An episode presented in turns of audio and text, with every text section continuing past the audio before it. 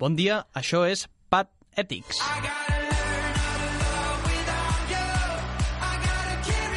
Bon dia i benvinguts a una nova edició del Patètics, el programa que analitza amb ull crític els dos primers trams de televisió de ser trencada. Després d'aprendre què són els falsos directes, què farem en la, en la lliçó d'avui? Avui ens centrem en un element imprescindible pel periodisme i pel dret a la informació de la ciutadania. Oh, i tant, Noelia, el dret a la informació no es podria complir sense la feina inestimable i d'un valor incalculable dels periodistes. Què faria el món sense nosaltres? No és ben bé això, sinó que nosaltres, com a periodistes, no podem sortir al món d'allà fora tots sols, sinó que necessit necessitem d'aliats. Si vols dir-li així, que ens expliquin allò que passa. Ah, parles dels gabinets de premsa, que amb la seva informació oficial ens salven sempre que necessitem informació objectiva, 100% fiable i d'alta qualitat. Ara t'he entès.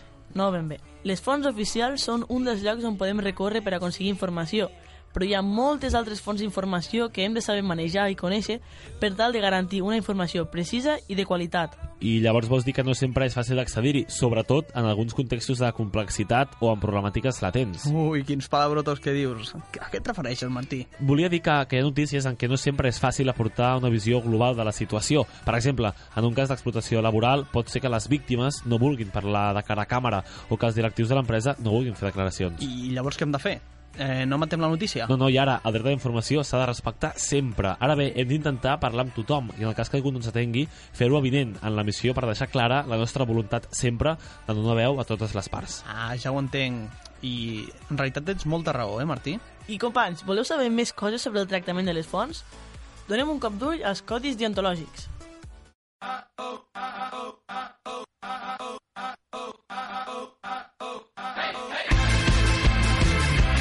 Vinga, en aquesta part del programa, la nostra font d'informació, el nostre company de viatge, són els codis deontològics. I són fonts que podem considerar fiables, no? Home, jo crec que sí.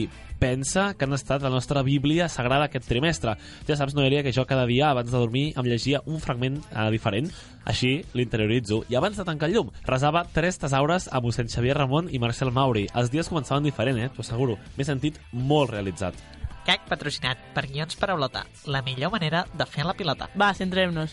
Comencem repassant què diu el Codi Deontològic del Col·legi de Periodistes de Catalunya. Sí, ens fixem en tres aspectes.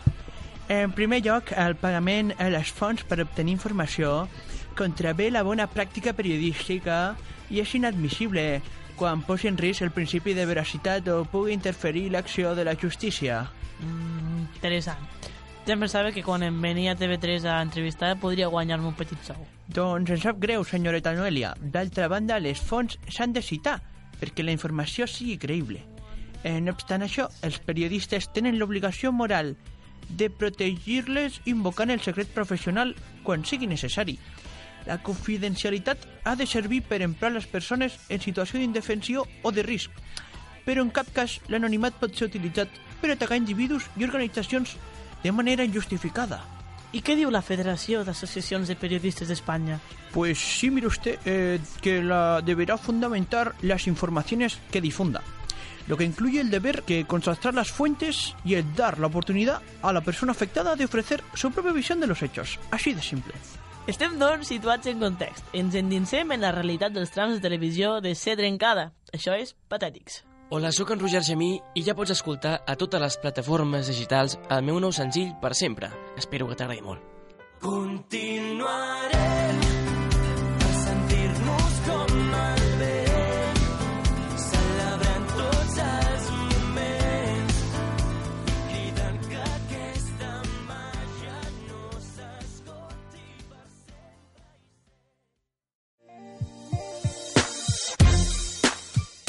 Doncs sí, ens posem mans a l'obra ja, eh, perquè hi ha molta teca per analitzar.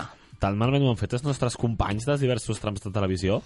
Home, pues sí, hi ha cosetes. Bueno, Noelia, tu tan negativa com sempre, eh? També han fet coses bé i això no ho dius. Va, xulo, com quines? No, no, fes tu. Digues quines han estat les tres errades més greus que han protagonitzat els companys del primer segon tram, però ben argumentades, i després comparem amb els tres encerts que han tingut. D'acord, comencem doncs pel principi. Podem parlar sobre una peça de, de l'edu- l'edubaròmetre que eh, està feta només parlant amb persones que estan satisfetes amb els resultats. Em creieu que, que és lògic això? Perquè jo crec que no. Ja, però potser que els resultats fossin molt positius. Podria ser, tot i que ho dubto, però en aquest cas canta un poc que només donin veu a fons institucionals, com ara un director d'institut, les quals es juguen el prestigi si els resultats no són, no són bons. Així doncs, com podem pretendre que siguin imparcials? Tenim un sistema educatiu en el que en molts casos eh, està ancorat en qüestions de segle XIX. Personal, jo sí que veig que hi ha hagut una evolució positiva no? en relació a que cada vegada les cotes d'autonomia són més grans. No? Potser el que encara no s'acaba de resoldre del tot és que encara tenim un sistema basat més en el control que no pas en la confiança. Bé, tens raó, però en el mateix informatiu, en una altra peça, aquest cop sobre Aigües de Barcelona, sí que es van donar veu a totes les parts. Per una banda, hi trobem la veu de l'AMB, l'entitat pública que gestiona el servei, i per l'altra, la d'alguns veïns, que són els que es veuen més afectats per la gestió d'aquesta empresa. Hem pogut parlar amb Marta Vilardell, càmera aquell dia de la peça, i la persona que va contactar amb les fonts implicades en la notícia. Per què ho consideraven que està gent del carrer quan ja teníeu la font oficial? Doncs una mica per, per saber les diferents opinions, perquè la, el que ens diu la font oficial normalment eh, volíem contrastar-ho, perquè no és el mateix el que pensen els ciutadans del que et diuen, no? En aquest cas, només hem quedat felicitar-los, doncs. Tot i això, l'opinió dels veïns no sempre és l'adequada. Parlem d'una peça sobre els narcopisos al Raval. En aquesta peça, els companys del segon tram es van basar només en les experiències dels veïns i vam trobar a faltar la veu d'un expert per tenir una imatge més acurada i objectiva del problema. Pot ser, Noelia, però tot i així els companys del segon tram també van fer peces molt bones en quant a fons. No teniu present la notícia sobre l'associació Ningú sense llar?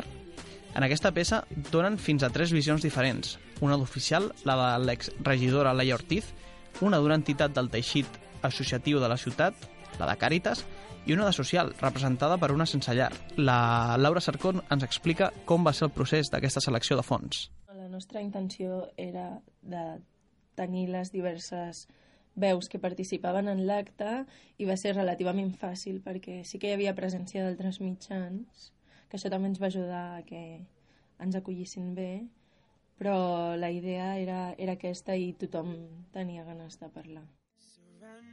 Parlem ara d'una altra peça, la que parlava sobre els problemes d'habitatge a Ciutat Meridiana, arran d'un nou desnonament.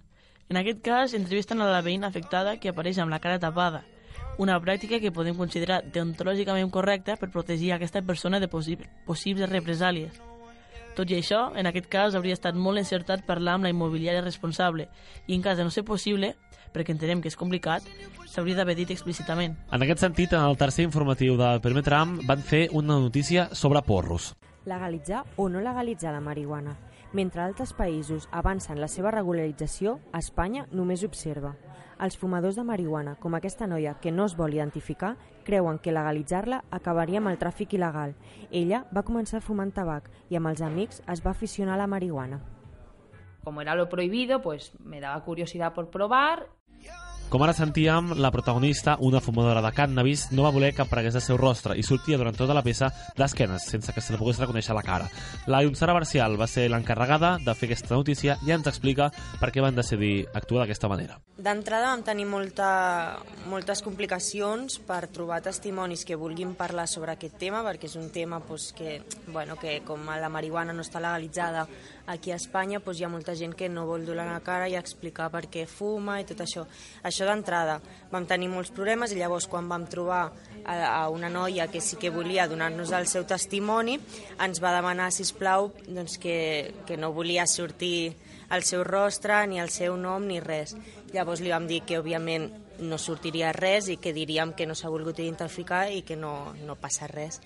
I llavors ho vam fer eh, de la següent manera, o sigui, la vam posar d'esquenes, vam anar a casa seva, llavors en el menjador la vam posar d'esquenes i tot, tot el reportatge gira al voltant d'ella d'esquenes, si està fent qualsevol cosa de recursos o si estava a la cuina, doncs la, la vam gravar d'esquenes i en ningú moment la vam treure i tampoc vam pensar en dir el seu nom ni res perquè és un tema una miqueta delicat i, i no, no va haver ningú problema.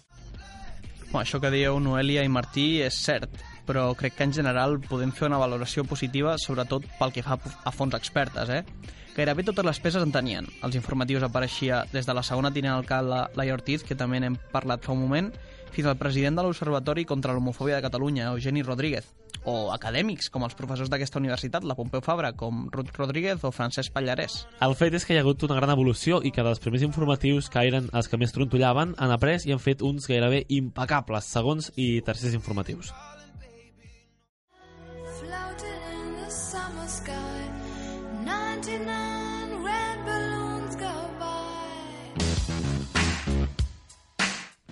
D'altra banda, en el segon informatiu del primer tram es va elaborar una peça sobre els pressupostos generals de l'Estat, amb l'opinió de diferents partits. La Pere Tomàs va ser la redactora i ens explica quins partits van incloure i per què. Vam decidir parlar amb la UGT, amb la secretària de Política Sindical, la Núria Gilgado, i a més a més doncs, vam intentar contactar amb la patronal, però no vam obtenir resposta i aquí sí que vam fer molt bé de- d'esmentar-ho el reportatge de, de comentar que no havien volgut participar. I d'altra banda, pel que fa al panorama polític, vam parlar amb el diputat del PSC, Raúl Moreno, vam decidir triar la font del PSC perquè considerem que és el, una mica la font representant del govern estatal aquí a Catalunya i, per tant, per tenir la seva visió oficial i de subjecte de la notícia. I també amb el diputat d'Esquerra, que tenia una posició una mica més escèptica envers el tema de, de l'augment del salari i sobretot de la manera que ho va fer el, el govern estatal de- d'implementar-los dintre dels pressupostos. I a més sí que és cert que vam intentar contactar amb ciutadans però no vam obtenir resposta, ens donaven llargues. I això sí que com a punt d'autocrítica esmento doncs, que ens hauria agradat de, bueno, hauríem d'haver inclòs el, el reportatge que, que no vam voler participar i no vam dir en cap moment. Per tant, doncs, aquesta és una crítica que se'ns pot, se'ns pot dir. També de cara a les fonts, una de les coses que s'han de tenir presents és la intimitat de les persones a qui gravem, en el cas de la televisió. Una de les peces que hem analitzat parla de les donacions de sang. En Guillem Favó va ser al càmera i ens explica com va gestionar el rodatge amb els pacients que donaven sang a la Universitat de Barcelona. Doncs va ser tot una mica atropellat, però vam arribar allà i llavors el que vam decidir és parlar amb la infermera perquè era la que ens podia eh, autoritzar per entrar a la càmera a dins de la zona on s'estaven fent la, les donacions de sang. Vam parlar amb la infermera, per sort va ser atenta amb nosaltres i ens va dir que cap problema sempre i quan els pacients estiguessin disposats a, a ser enregistrats. Llavors no hi van posar gaires impediments, sí que és veritat que vam intentar fer plans una mica mm, que no fossin plans molt tancats de la, de la seva cara, el que vam fer van ser plans recursos amb els braços, amb les, amb- no sé com es diu en llenguatge mèdic, però les bosses on recull la, la, la sang, i realment vam intentar fer-ho amb, el, amb la major fluidesa possible per no molestar i jo crec que al final doncs, va quedar una peça força ben estructurada i a sobre vam poder respectar la intimitat dels pacients i també dels professionals, de, de, la, de la infermera i de les doctores que hi havia.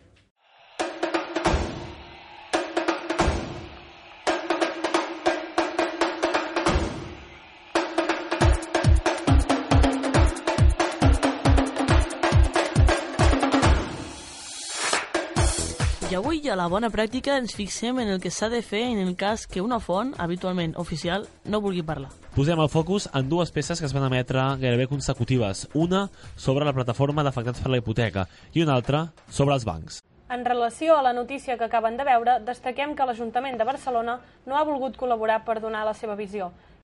Ni bancs ni immobiliàries, que no han volgut atendre aquest informatiu, coneixen si una hipotètica sentència tindria caràcter retroactiu. La Núria Vilamala era la presentadora de l'informatiu i ens explica per què és important dir que una font no ha volgut parlar. Jo crec que és important dir quan una font no t'ha contestat perquè al cap i a la fi tu has fet l'esforç per contactar-hi i creies que aquella font era necessària per fer la teva, la teva peça o la teva notícia o el teu reportatge. Per tant, si aquesta font no accedeix a respondre-te és perquè tindrà algun motiu per no fer-ho, per tant, també és un motiu per dir que no t'ha respost perquè és una informació important per incloure, per incloure a la peça i per tal que l'audiència sàpiga que tu has contactat i que és ella la que no t'ha volgut contestar. Ai, la relació amb les fonts, sempre tan complicada i perillosa. Ja ho pots ben dir. I què hi diu tot plegat la degana de Col·legi de Periodistes de Catalunya? Neus Bonet reflexiona sobre les fonts en el periodisme. Quines precaucions creus que cal tenir amb fonts anònimes? Tant les fonts anònimes que et diuen una notícia sense revelar qui són, com aquelles a les quals tu hi accedeixes, que coneixes de primera mà, però que no volen sortir, no volen afrontar, donar la cara, diguéssim, públicament. les precaucions de, de garantir l'anonimat d'aquella persona, el per què d'aquest anonimat, i després si realment és un anonimat que el periodista considera que val la pena doncs, defensar-lo eh, fins a les últimes conseqüències, amb la responsabilitat que això porta, et porta a tu però que l'anonimat no serveixi per manipular o que l'anonimat no serveixi, com passa en moltes xarxes socials, per insultar, per faltar o per construir fake news, no? per construir falsos relats. Però, clar, has de tenir més comprovació que només una font anònima. Ei, ei, ei, ei, que acaba de sortir una notícia d'última hora. Segons he pogut saber, Javi, Javi, trencat... Javi, Javi, un moment. Estàs segur que hem de donar aquesta notícia? Però per què no? Pensa que serem els primers en dir-ho, serà fantàstic. Però aviam, has pogut contrastar la informació? Mm, Bé, una font m'ho ha dit. I té fiabilitat? Jo almenys me la crec. Però no hauríem d'esperar a estar segurs que és veritat, pel principi de veritat i aquestes coses. Però no podem perdre el temps, Martí, que si no se'ns avançaran. Javi, em sap greu, però en aquest programa no permetrem la difusió de notícies que no s'hagin contrastat i, per tant, que tinguin una alta probabilitat de ser falses. Bé, quan ho sàpiguis el cert ens ho fas saber, però no us oblideu de nosaltres, perquè aviat tornarem per parlar sobre el gènere i la paritat a la redacció de Ser Trencada. No us ho perdeu. És clar que no, ens retrobem aviat. Adeu, bona setmana.